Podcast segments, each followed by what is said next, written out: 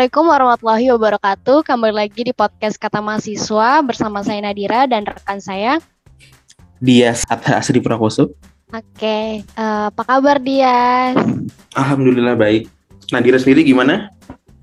Baik, kita sudah lama tidak mengobrol. Iya, sebulan lebih tidak mengobrol di podcast karena bulan lalu sedang banyak urusan di luar kampus. Iya, jadi podcast kali ini akhirnya gue ditemenin lagi sama dia. Soalnya yang podcast sebelumnya kan dia nggak ada. Uh, Oke, okay, kita lanjut aja. Kita mau ngomongin apa sih dia hari ini? Ngomongin apa tuh? Um, kayaknya kalau untuk sesi penutup sekarang ini, kayaknya ini men menurut menurut gue nih penting ya topiknya. Tapi belum sempat kita singgung kayaknya kalau sebagai mahasiswa tuh apa ya nggak jauh-jauh dari internship Nat. Kayaknya bahas itu seru kali Nat gimana? Oke. Okay. Kita bahas internship tapi ya sih penting juga apalagi buat sekarang tuh kayaknya digencar-gencarin banget kan magang, magang, magang atau ya bahasa kerennya internship gitu ya. Apalagi uh, ada program okay, pemerintah kan tuh magang kampus merdeka. Iya betul. Iya betul. Tapi kayaknya kita kalau ngomongin berdua doang kayak garing gak sih? Kayak kuring gitu. Pasti garing. Pasti garing. Ya udah deh boleh deh undang aja siapa sih bintang tamu kita hari ini? Iya, Nadira aja deh yang undang biar meriah. Siapa sih Nad? Aduh. Iya, jadi hari ini kita bakal ngobrol sama Bang Satrio, alumni dari uh, informatika. Bener ya? Bener. Hai Bang Satrio. Halo Nadira, halo Dias. Halo, halo. Nah, eh, Bang Satria apa kabar? Alhamdulillah baik, baik, baik. Sedang nikmati weekend saja. Oke. Nih, ini kita santai aja ya. Jangan canggung okay. banget. Oke, okay, siap, siap. Uh, Oke, okay, lanjut aja. Mungkin dia ada yang mau ditanyain. Um, apa ya? Mungkin pertama nih nanya ini dulu kali ya. Kan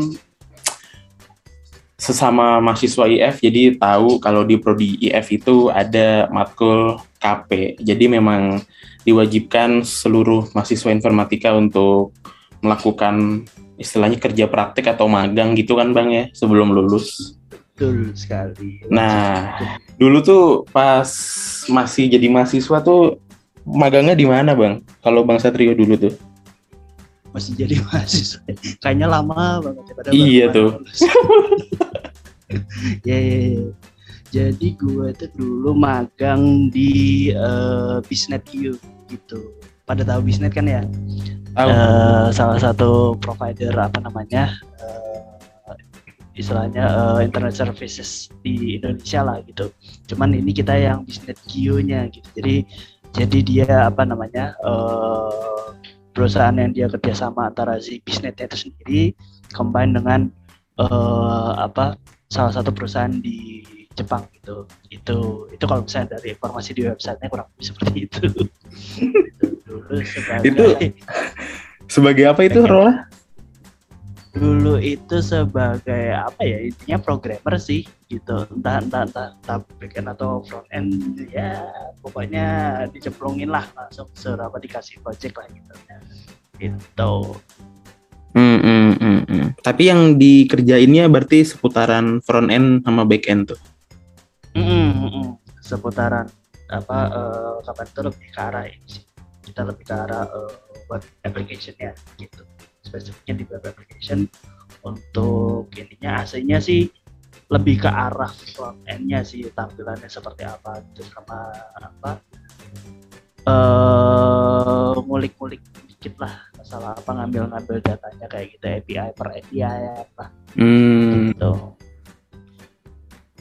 So itu kalau nggak salah tuh ini ya kepala divisinya tuh dosen IF bukan sih? Bener Bener kan? Uh, iya bener. Uh, Mas Rangga. Itu. iya kan bener.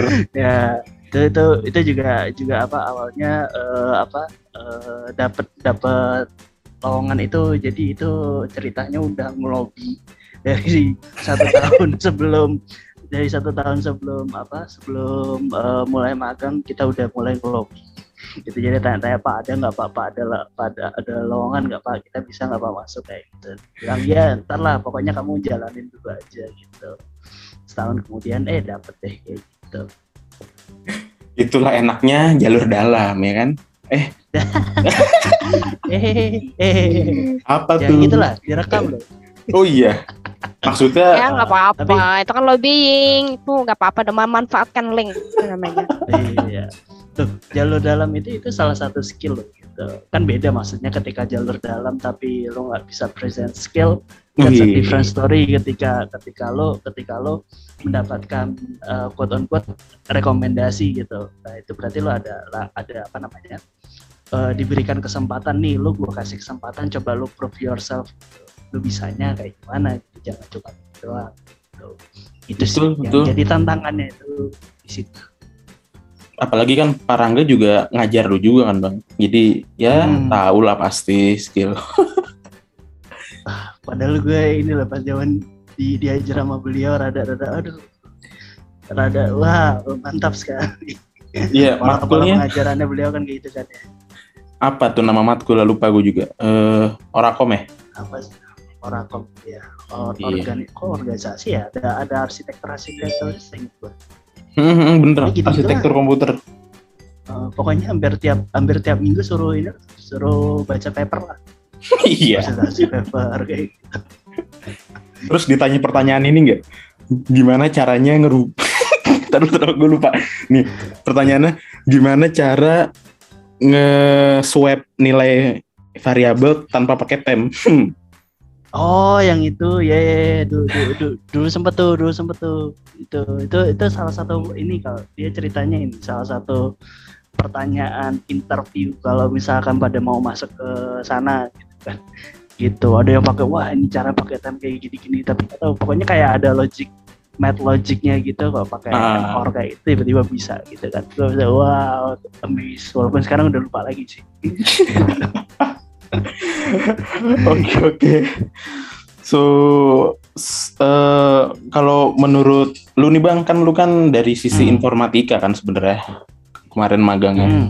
Kalau Iya. menurut lu sendiri kalau apa ya secara general gitu ya pertimbangan kita tuh untuk milih perusahaan magang atau apa ya divisi yang diambil itu gimana ya cara cara kita ngetahuin kalau passion kita emang di situ. Karena kan apa ya eh, banyak mahasiswa tuh kalau di semester semester awal itu kan banyak banget teori teori teori gitu kan di kampus. Hmm. nah sedangkan pas saat dia mau kerja praktik ntar dia eh, which is dia bingung karena nggak tahu sebenarnya ini tuh yang dikerjain apa ini tuh yang dikerjain apa. Jadi dia bingung ininya bingung mau milih divisi apa di perusahaan magangnya gitu Hmm. itu solusinya gimana menurut lo bang? menurut gua nyemplung aja dulu gitu. Yang penting adalah yang yang yang, yang pertama kali lo harus lihat adalah eh, tentu yang pertama kalau misalkan gue kapan itu opportunity gue supaya apa eh, bisa bisa masuk ke dalam situ itu seberapa gede gitu loh.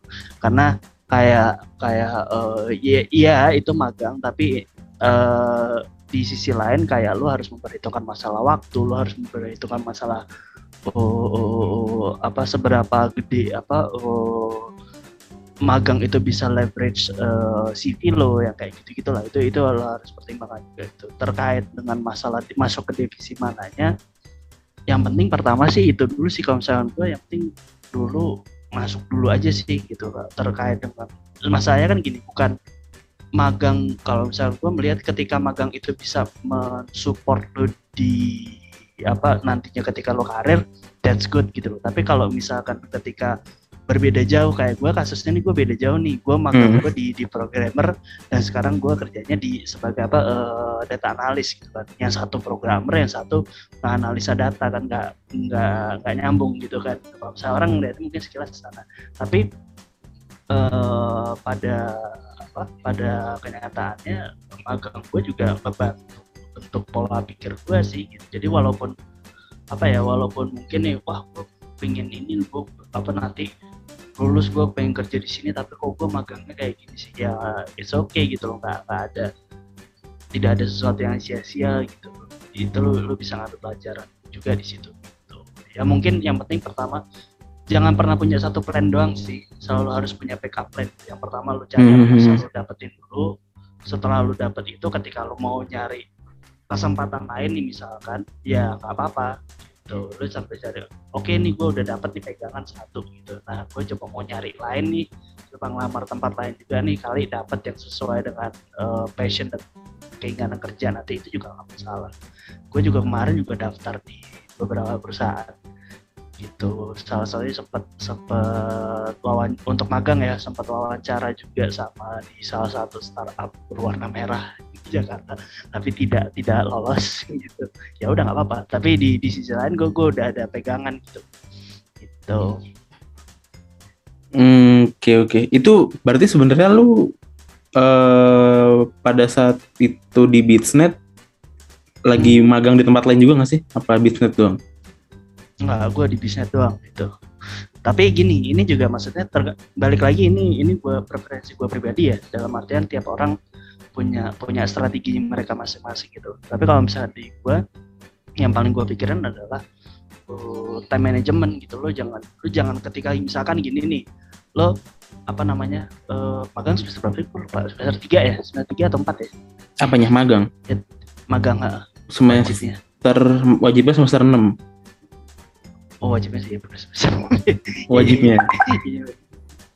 Ya oh iya, iya. Uh, ya, lima enam lah gitu kan. Iya. Lo bukan berarti ketika ketika lo lima enam lo bakalan magang dan lo baru nyarinya di semester 4 atau di semester limanya nggak kayak gitu caranya gitu. Apalagi apa namanya saingan lo banyak kan gitu. Ya coba cari mulai apa mulai mulai mulai dari setahun sebelumnya gue mulai ngelobi. Yang tadi kayak gue cerita gue mulai ngelobi itu setahun sebelumnya gitu. Ngelobi bukan dalam artian apa ini ya kayak kan habis itu apa apa pak tolong pak kayak gini. Nggak kayak gitu ya dalam artian gue coba apa namanya pelajarin apa namanya tentang apa kerjanya seperti apa gitu. Kemudian mempersiapkan uh, skillnya seperti apa yang butuhin gitu. Dan jangan sampai apa namanya uh, ketika masuk uh, apa ketika masuk kaget gitu. Walaupun kenyataannya begitu gue masuk gue gue masih kaget sih gitu.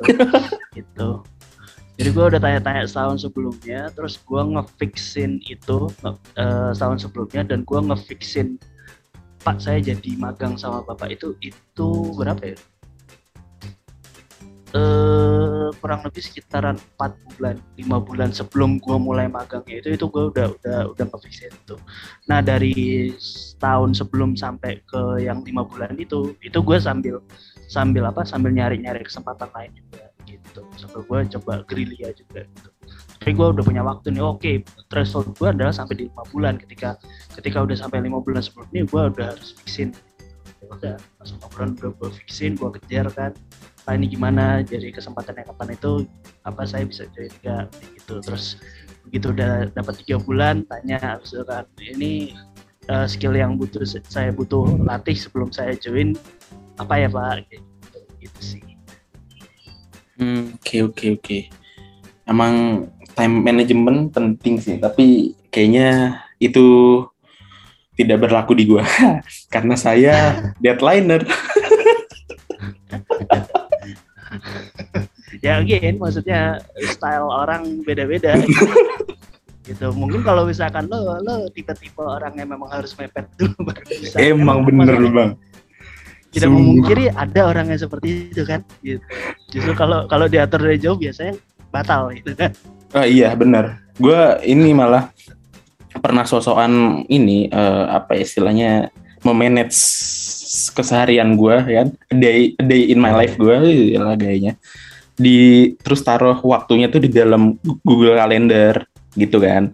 Jam sekian sekian ini jam sekian sekian ini kan muncul tuh notifnya di HP kan karena connect juga yeah. emailnya. Dan tidak dilakukan. Niatnya pengen micromanagement tapi jadinya malah apaan sini iya yeah. dan tugasnya juga malah jadi molor terus Ya, oke. Okay. Kali apa sih? gue ganggu istirahat gue aja. tuh jadi alasan Nadira, ayo dong. Mau apa lagi yang dikulik? Enggak tadi dengerin kayak oh oke kayaknya banyak hal gitu ya yang kayak bisa didapat dari magang gitu. Tapi sebenarnya ya dari di luar dari apa yang udah disebutin, sebenarnya apa aja sih benefit magang selain oke gue belajar gitu? Hmm, Benefitnya apa aja? benefit yang utama adalah belajar gitu karena maksudnya gini eh, ketika ketika apa namanya eh, ini ini balik ke masing-masing orang ya tapi kalau misalkan menurut lo pribadi posisi lo ketika posisi lo masih magang kemudian lo mengharapkan oh let's say benefit seperti apa namanya dapat bulanan gitu. Nah itu itu jadi apa ya itu jadi jadi quote unquote pengganggu sih gitu. Karena apa ya harusnya lo bisa dapat apa belajar banyak dari magang itu belajar belajar lebih. Tapi ketika lo berpikiran ah temen gue magang di perusahaan A dapat duit gue di sini nggak dapat duit nih ya lo jadi nggak bakalan maksimal gitu loh. Kalau Hmm. ibaratkan apa kayak kayak apa kayak itu semacam alam bawah sadar aja sih kayak gitu, Gitu. jadi pertama luruskan niat dulu. Karena niat lo niat lo magang bukan nyari duit beda kalau misalkan kalau misalkan lo memang memang eh, freelance gitu ya. Niat lo Mhm. adalah freelance kemudian freelance-nya itu kebetulan bisa dijadikan sebagai magang. Let's say seperti itu it's okay gitu loh. Tapi ketika lo lo memang niatnya memang nyari magang ya jangan jangan nyari duit kayak gitu. Itu sih. Nah insya Allah mulai, mulai dari situ lo bakalan banyak dapat benefit sih kayak gitu. Even even apa eh, eh, magang lo nggak sesuai dengan kerjaan lo gitu. Let's say kalau misalkan kayak gue nih sekarang gila kan gue gue magang di programmer sekarang di di data kayak nggak practically hampir nggak pakai lah ilmunya sama sekali. Tapi iyalah kita nggak pernah pakai kayak gitu tapi maksudnya Iya. kayak eh critical thinkingnya terpakai kayak gitu Betul. problem solvingnya terpakai gitu. terus sampai sampai kayak apa eh eh, eh, apa culture perusahaan yang kayak gitu disiplinnya itu itu masih kepakai juga sampai sekarang gitu. apalagi rata-rata perusahaan eh, startup sekarang implementasinya agile kan Mm-mm. gitu sih Oke. Berarti sebenarnya benefitnya lebih diluruskan kepada belajar gitu ya. Ah, Oke. Oke. Eh, pengalaman abang. Ini kan kita dari semester 1 dari semester awal ya sampai sebelum magang itu kita belajar teori. Eh, prakteknya juga ada. Cuma setelah masuk ke dalam dunia kerja, let's say magang, itu sebenarnya ada nggak sih yang relate atau malah jadinya kayak ah nggak kok jauh banget sama apa yang gue pelajarin gitu. Eh jelas bakalan jauh banget sama yang lo pelajarin gitu. Karena apa namanya eh tapi tapi gini yang yang harus diangkat adalah ketika lo belajar aja lo belum tentu tahu semua gitu. apalagi lo nggak belajar gitu kan. Gitu, tambah lo nggak tahu kan gitu. Nah, itu makanya apa namanya jangan jangan jangan apa jangan berpikiran kayak apa ngapain gue capek-capek apa? Belajar nanti juga di dunia kerja nggak bakal kepake atau yang kepake cuma dikit ya. Tidak seperti itu gitu loh. Ketika lo Mm-mm. di kuliah fokusnya adalah eh apa namanya? Nah itu lagi. Kembali lagi yang yang yang harus benar-benar lu luruskan niat ketika lo kuliah jangan kuliah hanya sekedar nyari nilai gitu. Gampang banget lo kalau misalnya mau kuliah nyari nilai gitu. Tapi setelah setelah lo dapat nilai apa yang lo dapat gitu kalau misalkan nggak nggak nggak ada nggak ada ininya mungkin kalau misalkan secara teori mungkin dikit ya tapi ke, apa yang ini kayak misalkan eh, pola berpikir nah itu ini ini yang yang yang yang gue lihat ini banget sih apa namanya eh habit yang harus dibentuk dari semester 1 bahkan gitu. cara lo pola berpikir, cara lo problem solving, cara lo melihat sebuah masalah itu itu yang bangun dari semester 1 dan itu yang di yang apa yang lo bentuk di selama pelajaran di kampus gitu. Tidak tidak direct one on one apa namanya eh, materinya itu sendiri. Yang penting sih itu yang di yang dibentuknya dulu dari awal gitu. Dan kalau misalkan masalah persiapan ya di kampus teori doang gitu ya wajar namanya juga kampus kan gitu. terus cara cara menghandle seperti apa ikutlah ini apa namanya eh. Komunitas-komunitas kayak gitu workshop. Ya mungkin kalau misalkan workshop agak apa eh, harus harus modal kali ya gitu. Karena ya Mhm. cari yang nggak modal lah gitu. Apalagi kan kalian kan juga apa namanya udah banyak kan ya dari kampus Merdeka juga kayaknya ini kan juga kayaknya kampus Merdeka juga semacam apa sih quote unquote kayak ada community-nya gitu kan. Iya. terus juga kita di internal kita sendiri di WAI sendiri kan juga mulai banyak tuh apa namanya oh apa oh, community community kayak gitu apalagi yang dari alumni alumni kan kita kan juga lagi apa berusaha lah ibaratkan membentuk seperti itu dalam artian biar kalian ada wadahnya jadi di kampus eh, lebih ke arah pembentukan pola pikir kalau misalkan kalian mau nyari skillnya ya di luar itu gitu. kalian harus belajar intens sendiri seperti itu Hmm, benar sih. Emang kalau cuma ngikutin kuliah-kuliah aja sih ya mungkin secara teori oke tapi ya mungkin implementasinya belum tentu. Jadi emang emang harus diri kita yang mengeksplor sendiri keluar karena apa yang dipelajari belum tentu di prakteknya tuh tidak semulus di teori. Maksudnya gimana ya? Bener gitu kan, Bang? ya kurang lebihnya Iya. ya banyakin main keluar lah gitu. main dalam tanda kutip ya gitu main yang bermanfaat gitu. jangan jangan jangan gali ilmu di kampus doang ya di kampus satu di tempat lain juga main ntar malam datang yes Emang ada lagi? Dibahas di Ya, sini tiap lagi. minggu Hah? Tiap minggu? kayaknya sih bakal tiap minggu sih Oh udah fix ya? Kirain sih. belum. Oh, oh. udah fix kemarin udah minggu pertama kita udah bahas segala macamnya ini kan gue gue judulnya sekalian promosi kan? Gitu Yaudah, apa tuh nama channelnya? Yuk? Boleh langsung. Eh, channelnya adalah AIML gitu. Jadi kita eh, apa alumni alumni informatika banyak ya di sana.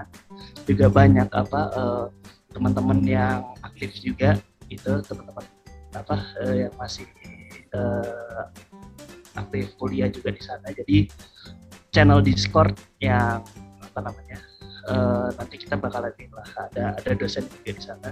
Nanti kita bakalan apa kayak ngadain eh, apa ya kayak meet lah rutin gitu seminggu sekali atau dua minggu sekali ngebahas terkait dengan eh, artificial intelligence atau eh, machine learning ya. Hmm. Jadi tujuan nanti ke depannya sih pengen ini sih. Pengen Oke. membuat community gitu. Ya nanti ke depannya bakalan programmer juga ada atau enggak ya? Karena ya lihat nanti lah. Wah tuh kalau programmer pasti banyak yang ngikut sih fix. ini dulu lah ramai ramaikan dulu lah yang yang AI apalagi nih lagi ini loh lagi lagi apa hot hotnya lah hot topic lah di perusahaan-perusahaan banyak lagi yang lagi nyari Boleh boleh. even banyak banyak tuh dari apa dari jurusan-jurusan lain yang sudah mulai merambah ke dunia AI Eh, iya, AI mah kayaknya bisa luas nggak sih? Kayak kayaknya temen gue ada sih yang lulusan statistik sekarang di apa di AI juga. Eh, banyak sih gitu. Ya AI atau data lah. Di kerjaan gua ada orang biologi lulusan biologi masuk kerjanya di data. Nah kan? Ada tuh. ada. Jangan sampai kalah saing kita Oke, buat para pendengar yang eh, tertarik, nanti link channelnya bisa ini ya, bisa ntar gue share di ini nggak apa-apa ya. Link channel Discordnya gue share di apa deskripsi podcast ya, nggak apa-apa nggak apa-apa. Ntar sih kita kita biar bisa join. nah kan banyak nih ada angkatan 20 berapa? 21 yang baru masuk ya. Siapa tahu mau oh iya iya ya sudah mempelajari AI ML satu saja sebelum waktunya. Eh, itu kayak istilah yang cukup asing ya buat gue. Kayaknya itu menarik juga ya. Ih, ju- ju- jujur ya itu kayak ah, AI oke AI oke gue tahu tapi itu apa lagi? Terus apa gitu kayaknya tapi kayak ke, eh, dari pendeskripsi kalian dari cerita cerita kalian tuh kayaknya seru gitu dan kayak aku men- melihat potensi cuan di situ. wah Iya kalau belajar itu gue kaya deh. jurusan jurusan apa sih sorry Eh gue jurusan biologi, biotek. Oh, biotek, biotek itu Pak siapa sih ya yang ada bioinformatik itu? Ah, gue lupa. Bioinformatik Apa? Bang Boti. Ya, Dan anaknya dosen- bioinformatik dosen banget. Ada ini kan Pak siapa Kalau dosen- Pak Pak yang Oh, dosen Pak Yunus, Pak Firman. Ah ya Pak Yunus yang gue pernah ngobrol bareng tuh apa ya kapan tuh pernah jadi pembimbing di salah satu project sama Pak Yunus sih. Itu juga keren tuh Hmm. maksudnya bio bioinfor lagi eh, di luar. Ya, situ. bioinfor lagi Gitu. in banget sih. Oh. Seiring itu, berkembangnya virus dan apa penyakit, bioinfor itu lagi in banget dan akan selalu sih. Nah itu yang sequence DNA yang kayak gitu-gitunya kan. Itu- nanti Hmm. Mm-mm. Kemarin sempat dibahas tuh minggu lalu. Ah lu sih juga gak ikut sih.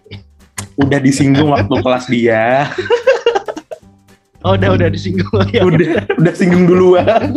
Oh ya udah. Oh, Sequence iya. DNA yang ini kan pakai SNM kan? Mm-mm. Bener nggak?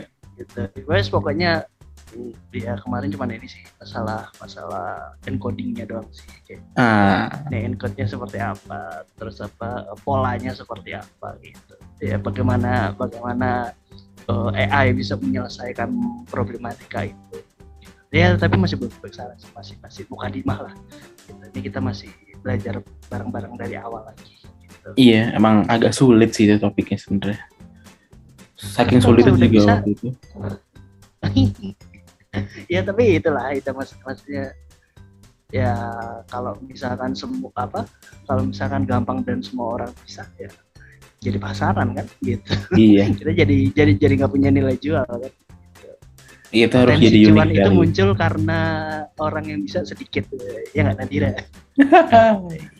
Itu Iya, potensi cuan kan? karena ya karena jujur aja kalau udah berhubungan sama bioinformatika tuh kayak enggak deh kayak gue enggak deh gue enggak enggak enggak kayak jauh-jauh bisa enggak gitu karena susah bener susah pusing banget apalagi gini ya udah biologi bioinformatika kan itu pasti ngomongin DNA ATGC itu bisa beribu-ribu itu kayak Nah. nah. gue pusing sih itu itu kelemahan gua di biologi sih. Jadi maksudnya apa ya? Karena kalau bioinformatika tuh kalau paham secara teknis, maksudnya cara membuat modelnya tapi nggak paham di biologinya kayaknya gimana tuh bang? Kalau gue sih kayaknya nggak connect juga sih.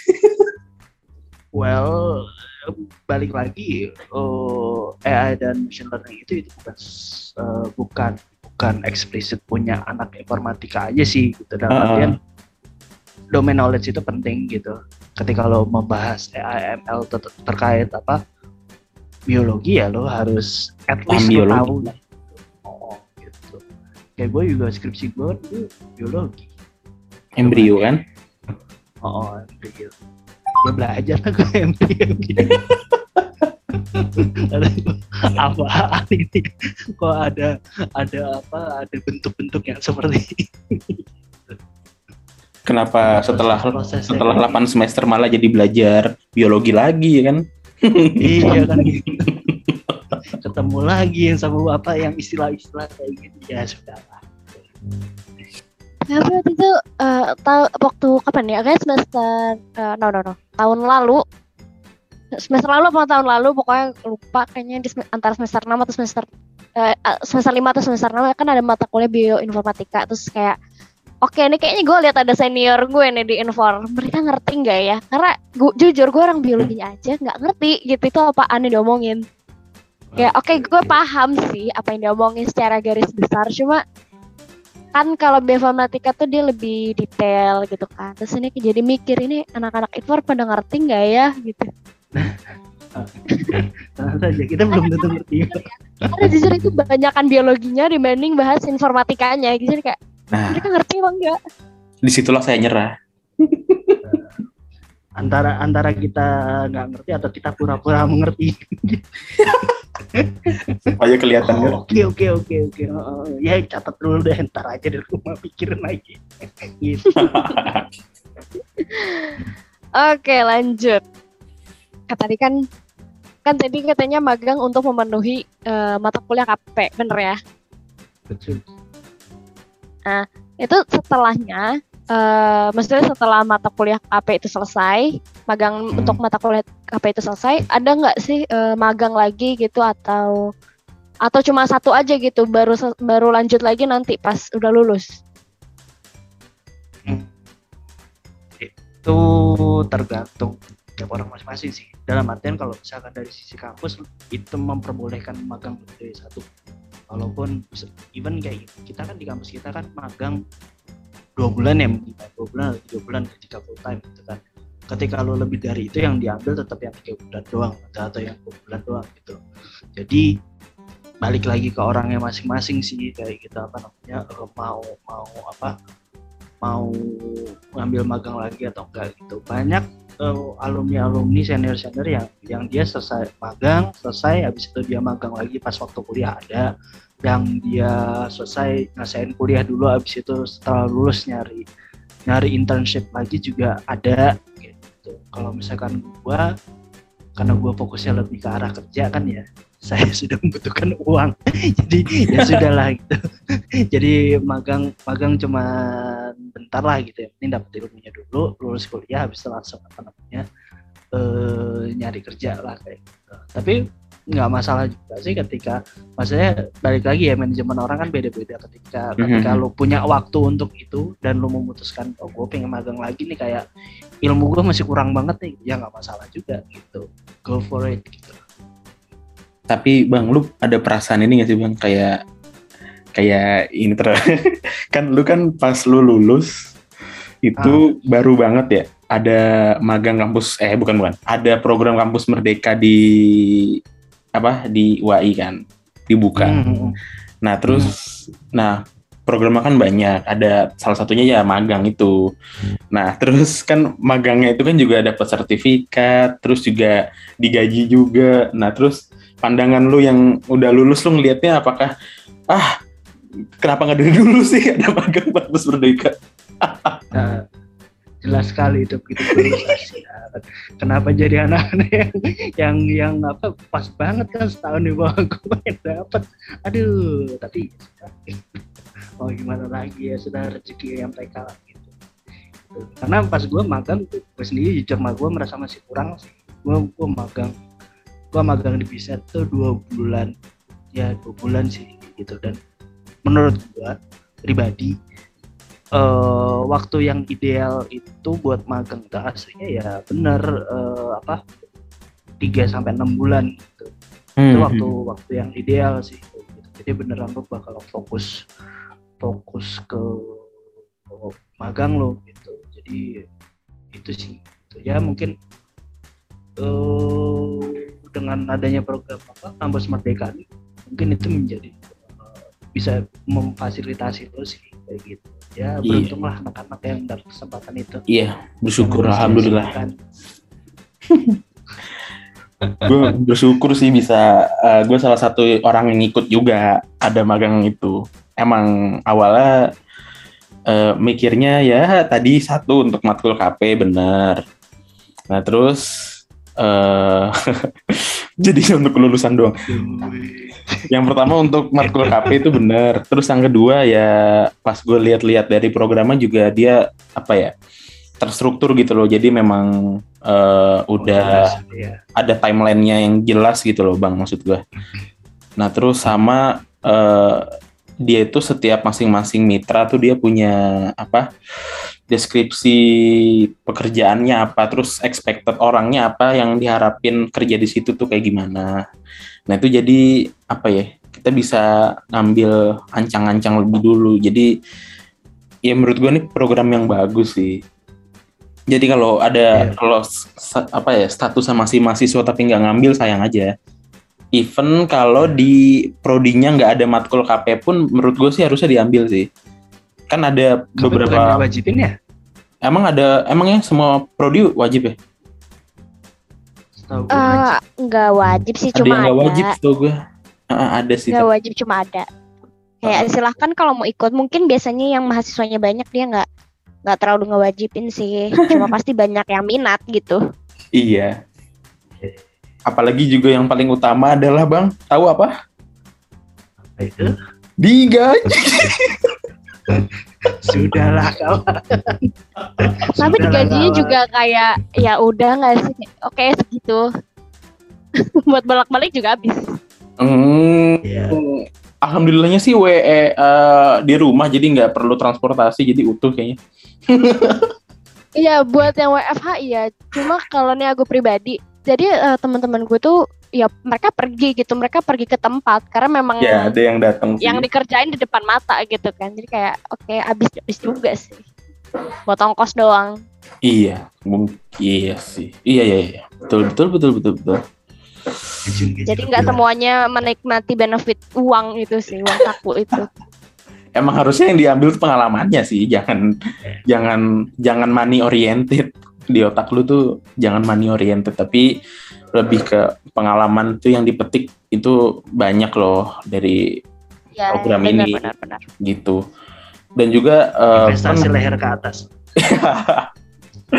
dan juga kebetulan kan gue juga magangnya di bidang informatika juga tuh di program Pos Merdeka jadi menurut gue juga banyak kayak tadi bilang benar sih banyak framework framework yang dipakai itu emang yang sama sekali belum pernah gue pegang sebelumnya sih bang yang kayak apa ya bener-bener baru belajar saat itu juga pas saat pertama kali masuk juga gue termasuk orang yang kaget kayak dari sisi apa ya dari sisi gunain ininya, dari sisi gunain teknologinya, dari sisi apa deploymentnya juga kaget juga ngelihatnya, bingung. Oh ternyata ada tuh orang yang ngurusin buat bagian deployment sendiri gitu kan namanya DevOps ya kalau ya kan kalau nggak salah. Ya, Itu itu kan nggak ini ya nggak kebayang di gue sebelumnya tuh kalau gue nggak magang kayaknya gue nggak kebayang juga. Betul. Ya justru itu eh, ibaratkan justru kalau misalkan lo magang dan lo gak kaget lo harus bertanya ada apa ini Wah, iya, gua kaget sih. gitu kan gitu tuh gitu tujuannya magang biar kita kaget ya Iya. kalau nggak kaget kan? Berarti lo nggak nggak tahu ini. Nggak tahu. Apa? Eh kayak lo nggak belajar sesuatu yang baru. Tapi maksudnya ya itu itu penting juga tuh tadi yang yang poin yang menarik juga tuh yang sempat lo sampaikan itu. Eh apa? Tahu programnya tahu kurikulumnya dan segala mungkin sekarang dengan dengan adanya kampus merdeka ini lebih membantu banget ya dalam artian kurikulumnya jelas dan segala macamnya juga jelas gitu. Kalau misalkan zaman gue dulu malah kita nggak tahu gitu. dalam artian ya udah penting masuk dulu aja gitu. Di dalam magangnya ngapain? Ya ya ya gitu gitu kan. Maksudnya kadang ada yang kayak kok gini gini doang sih? Kok nggak nggak ada ini? Kayak apa? Kok eh, day to day aja sih nggak dilibatkan ke dalam project? Syukurnya pas waktu pengalaman gue pas waktu dulu gue gue dikasih ini sih. Gue dikasih project terus gue juga dikasih tugas. Jadi gue dinyata, dinyatakan lulus magang di mereka ketika gue selesai itu. Gitu. Mm-mm. that's important gitu jadi lo harus itu sih bagi para yang ingin cari magang tapi tidak ingin mengikuti kampus merdeka mungkin kan ada ya cari informasinya dari jauh-jauh hari dan selama mungkin. Betul. Tapi ini gua jadi nggak bisa ikut sidang KP semester ini, Bang. Gara-gara, iya gara-gara gua kan enam bulan ya. Nah, sedangkan a- akhir semester ganjil itu kan atau di UA itu terakhir ganjil itu berarti bulan Februari eh Januari itu udah habis kan? Januari. Minggu depan Ah. kita was. Iya kan Iya, udah uas kan Senin Senin tuh udah uas kita. Nah terus eh, terakhir input nilai itu kalau nggak salah tanggal 6 Februari apa gitulah. Sedangkan gue selesai magang tuh tanggal 28 Februari kan bang. Nah gue tuh yang tadinya planning gue, makanya kan gue udah bilang ini gue planning gue mau sidang semester sekarang aja gagal lagi bang. Jadi jadi apa namanya? Jadi emang eh, ter- ternyata kalau kampus Merdeka itu untuk sidang KP-nya itu eh, lu harus selesaiin dulu magangnya sampai selesai. Hmm, iya iya iya. Jadi nggak boleh konversi nilai kayak eh bukan konversi nilai sorry, bukan dinilai berdasarkan kayak misalkan yang lu bilang tadi itu bang, kayak yang KP biasa kan, misalkan lu magang 4 bulan, tapi yang diambil cuma dua bulan pertama aja tuh penilaiannya. Ah, ah, ah. Nah ini kampus Merdeka ini nggak bisa. Jadi gue harus kelarin sampai enam bulan dulu, baru gue bisa atur waktu untuk sidang, eh untuk sorry, seminar KP maksudnya. Iya itu dia. Jadi gue Ya, molor lagi di semester bisa. 8. Tapi lu dapet pengalaman full at least. Iya, mungkin itu sebagai gantinya itu. Sebagai gantinya itu. ya ada harga yang harus dibayar lah Iya. ada ada So, mati aja Nah, tadi kayaknya kita udah banyak banget bahas ya tentang magang dan sebagainya. Eh, tadi juga ada sempat banyak juga yang disinggung soal masalah kerja. Tadi kita eh, tadi sempat kepikiran oh nanya ya eh, sekarang kerja di bidang apa tapi udah dijawab da- bidang oke data Oh. analis. iya. Data apa sih bang? Gue lupa tadi. Data analis. Data apa? data analis gue Oh iya. Data analis. produk data analis Coba spill dikit tuh gua- kerjaannya ngapain tuh? Eh, Iya betul betul spill dikit. Wah, gue masih probation sih gitu gue, gue, gue belum belum menjadi eh, karyawan tetap Mm-mm. jadi gue di sini eh, kerjaan gue sebagai eh, produk data analis jadi kita kan ya di perusahaan kan banyak kan kita ada ada bagian banyak lah bagian-bagian ada bagian keuangan bagian produk dan kawan-kawan. Ini gue fokus ke daerah produknya gitu. Nah di sini gue menganalisa data-data yang kita dapat dari produk kita. Terus untuk menghasilkan eh, insight-insight yang bisa di present ke eh, company gitu sih dari kita sendiri gitu. misalkan oh nih baiknya buat bulan depan eh, kita harus kayak gini nih berdasarkan data yang ada. Misalkan, misalkan oh nih data dari beberapa bulan ke belakang sepertinya nih apa eh, bagian ini harus harus harus, harus diperbaiki nih harus kita harus bikin inisiatif baru. Ya model-model kayak gitulah. Dan bersinergi ke apa eh, ke eh, bagian-bagian lain juga sih gitu. Tapi data analis tuh mainan machine learning juga nggak? Gue soalnya nggak tahu nih. Soalnya gue tuh ada bingung di data analis, data scientist, sama satu lagi data engineering. Oke, data data engineering, data eh, data engineering itu ibaratkan eh, apa ya bisa dibilang yang paling dekat sama programmer sih kayak gitu. Jadi jadi dia biasanya lebih ke arah arsitektur yang Ah. mempersiapkan data sebelum dikonsum. Jadi kayak data ini datanya dari mana, terus apa eh, formatnya seperti apa, di present seperti apa, kayak itu itu itu kerjaan data engineering gitu. Sementara kemudian eh, data analis adalah kita mempresent ya analisa dari data yang sudah ada itu tadi. Gitu. Jadi kita ambil data yang yang yang tadi sudah diolah eh, diolah awal diinisialisasi oleh data L kemudian kita lihat eh di datanya ada yang nggak sih ada, ada yang eh, bisa kita ambil insight-nya nggak sih yang bisa kita propose nggak sih dari sini gitu itu jadi produk akhirnya adalah biasanya berupa itu dokumen analisa atau ke insight insight seperti apa gitu. Dari insight itu biasanya yang nanti kita apa namanya eh, ditindaklanjuti oleh eh, data-data scientist gitu. Data scientist ini ibaratkan lebih ke quote unquote eh, problem solvernya lah ibaratkan gitu. Mereka mempresent eh, mempresent sebuah solusi yang biasanya based on machine learning atau artificial intelligence Hmm. uh, untuk menyelesaikan permasalahan yang tadi udah kita angkat gitu diangkat oleh data analis kayak gitu tapi again ya maksudnya ini ini biasanya tergantung ke culture perusahaan itu bisa jadi definisinya beda-beda di implementasi dan definisinya beda-beda di perusahaan yang beda juga gitu. itu sih tapi intinya ya kurang lebihnya seperti itu gitu. Hmm. Kompleks ya ternyata ya. jalan kompleks itu baru itu baru ibaratkan kita bicara masalah reporting sampai ini doang sih, sampai apa kita ngasih insight. Ntar yang yang eksekusi ada lagi di belakang belakangnya gitu. Nanti gabung lagi tuh apa apa tim yang apa DevOps yang tadi bilang, yang kita ada tim produk dan segala menarik sih menarik. Menarik, menarik, menarik. Oke, pertanyaan ini kayaknya bakal jadi pertanyaan terakhir nih buat lu bang. Oh. Ini bisa dibilang kayak, eh hmm, bisa dibilang closing statement lu sih untuk para pendengar podcast ini tuh apa? Waduh, Closing statement, ya kan? Kesimpulan. kesimpulan Kesimpulan Apa ya? sekalian saran lah buat yang mau magang gitu kayak apa aja nih persiapannya gitu.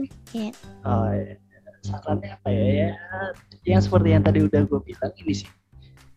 uh, planning semuanya sih gitu maksudnya apa namanya Eh ya gini ya eh, apa eh, beda-beda tiap orang cara planning cara cara melihat sesuatu tapi kayak jangan jangan cuma ngikutin alur doang gitu jangan ngikutin arus itu terhanyut gitu gitu dan maksudnya inilah eh, planning matang-matang hitungkan matang-matang menurut apa menurut eh, takaran kalian masing-masing. Kemudian eh ya eksekusi gitu. kalau misalnya dia harus berani ambil risiko gitu. Karena ya kayak ini tadi ya kayak dia cerita juga oh sidangnya jadi mundur ya. Sometimes eh, itu adalah harga yang harus dibayar untuk sesuatu yang lain. Well shit shit happen gitu kan gitu. Hmm. Iya. Ya itulah perhitungan matang-matang. Jadi kalau misalkan agak meleset ya nggak jauh-jauh lagi. Itu persiapan itu penting. Oke. Itu Oke. Oke, karena udah kayaknya udah 30 30 menit lebih ya. Kita sudahi saja. Terima kasih buat Bang Satrio udah menyempatkan waktunya, udah mau bagi-bagi pengalamannya juga. Eh, makasih banget Bang Satrio. Ya makasih juga ya. Oke, eh, karena udah sampai di penghujung acara, jadi jangan lupa buat yang pernah denger eh, untuk semoga ilmunya bermanfaat untuk yang episode kali ini. Dan eh, jangan lupa juga untuk selalu pantengin terus podcast kata mahasiswa BMFST, tungguin terus update-update-nya di kepengurusan berikutnya. Karena ini adalah podcast terakhir di pengurusan kita, ya kan Nadira? Betul? Ya, ih, jadi Sampai- kita sekalian mau pamit undur diri. Iya. Temu di kepengurusan yang baru. Betul, nanti akan bertemu dengan host-host yang baru lagi, yang lebih oke lagi pastinya. Oke, kalau Kalau begitu topik-topik yang lebih serius lagi. lebih serius. Emang kita nggak pernah Iya. serius ya, Nat ya? Enggak. Kita enaknya enjoy. Kita anaknya enjoy. Oke, kalau begitu sekali lagi terima kasih buat Bang Satrio yang sudah meluangkan waktunya. Em, gua dan Nadira undur pamit undur diri. Wassalamualaikum warahmatullahi wabarakatuh. warahmatullahi wabarakatuh. Dadah.